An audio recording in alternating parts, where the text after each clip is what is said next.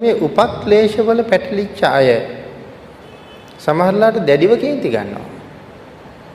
වර්තමානයේ කතා කරන්න අහන්න තියෙන බොහොම ප්‍රසිද්ධ කාරණාවක් තමයි ඒගොල්ලෝ ඊට පස්සේ කියන කාරණාව පිලින්දවච්ච මහරහතන් වහන්සේටත් කේන්ති ගියා. රහතන් වහන්සේටත් කේන්ති ගියා නම් ඉතින් අපිට ඉඳලා ඉල්ල කේන්තියක් යනවා කියන එක අහන්න දෙයක් නැහැ. එහෙම කියන්නේ අපි නෙමෙයි මේ උපක්ලේශවල පැටලිලා ඉන්න අය. පිළිඳිවච්ච මහරහතන් වහන්සේට කේන්ති ගියා කියලා කාටවත් කියන්න පුළුවන්ද? පව් සිද්ධ වෙනවා එහෙම කිව්වොත්. රහතන් වහන්සේ නමකට කේන්ති යනවා කියලා. පිළිඳිවච්ච මහරහතන් වහන්සේට කේන්ති ගියේ නැහැ කවදාවත්. ඇයි අපි එහෙම කියන්නේ එතකොට? උන්වහන්සේගේ අර ආමන්ත්‍රණය කරන වචනේ ස්වභාවයක් තිබුණනේ වසලයා කියලා.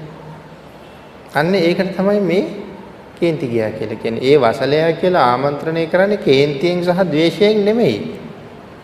එහෙනම් කේන්ති ගියා කියන්නේ ද්වේෂයකුත් තියෙන්න බෑ. නමුත් උන්වහන්සේ ආත්ම 500ක්ම එක දිගටම මේ උසස් බ්‍රාහ්මණ කුලයක ඉපදිච්ච නිසා ඒක මේ සංසාර පුරුද්දෙන් එන එකක්. එතු මේ වසලයා කියලා කියන්නේ ද්වේෂයෙන් එහෙම නෙමෙයි. ඒක බොහොම කරුණාවෙන් කියන වචනයක්. අර සඳහන් කරනවා එක දවසක් උන්වහන්සේ උදේ පාන්දර මාර්ගයේ වඩිනකොට පුද්ගලයෙක් ගම්මිරිස් අරන් එනවා. එයා ඉස්සරහට ගම්මිරිස් අරන් එනවා වෙලද පොළට ගෙනියන්න. ඉතින් රාතන් වහන්සේ මුණ ගැහිච්ච නිසා අර පුද්ගලයන් අහන වසලය ওই වාජිනේ මොනවද තියෙන්නේ කියලා. අර පුද්ගලයා කල්පනා කළා උදේ පාන්දර මට වසලය කිව්වා.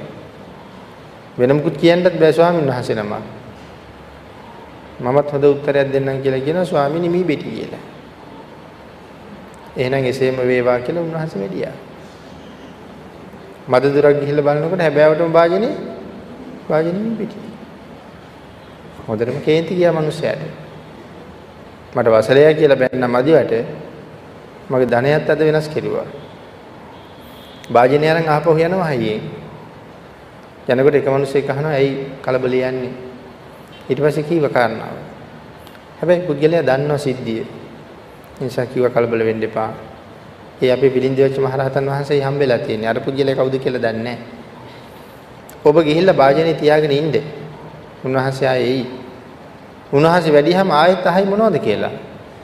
ඒ ඉස්සෙල්ලා උන්වහන්සේට බොරු කීවේ. ඇත්ත කියන්නේ ගම්මිරිස් කියලා. වාජනේ තියාගෙන ඉන්නවා දැන් ගම්මිරිස් නෙමෙයි තියාගෙන ඉන්නේ මේ බෙටි. ඇවිල්ලා මොනවද වසලේ කියලා.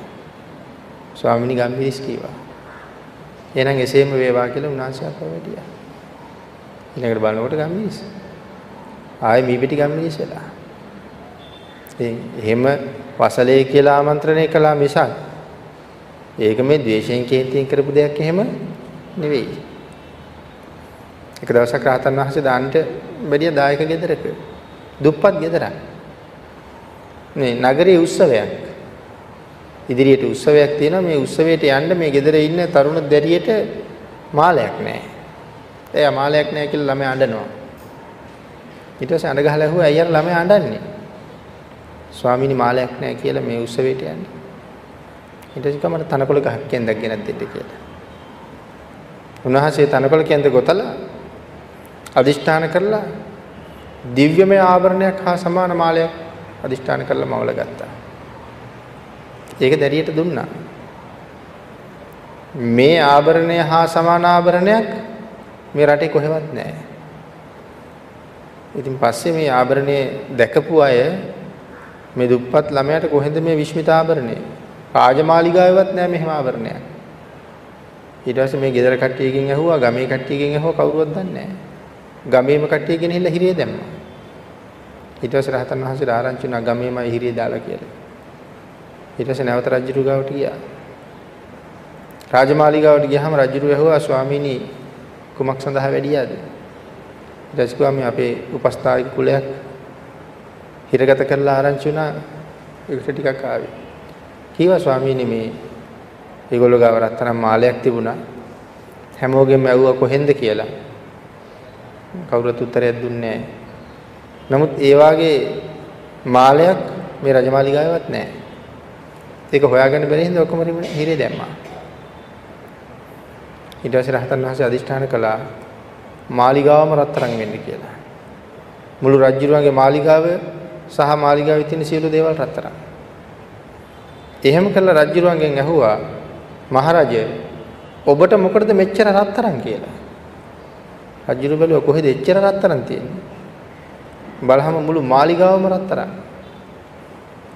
රජුරු කාරණාව තේරුම් ගත්තා. ඊට පස්සේ අර හිරේ හිටපු සියලු දෙනා නිදහස් කෙරුවා. එහෙම කරන්න පුළුවන් කෙනෙක් පිළිඳවච්ච මහරහතන් වහන්සේ. ඉතින් උන්වහන්සේටත් ද්වේෂයක් ඇති වුණා කියලා අපේ නිදහසට අපි මෙහෙම පාවිච්චි කරුවොත් කොච්චර අකුසල් පුරව ගන්නවද කියන කාරණාවත් හිතන්න වෙනවා.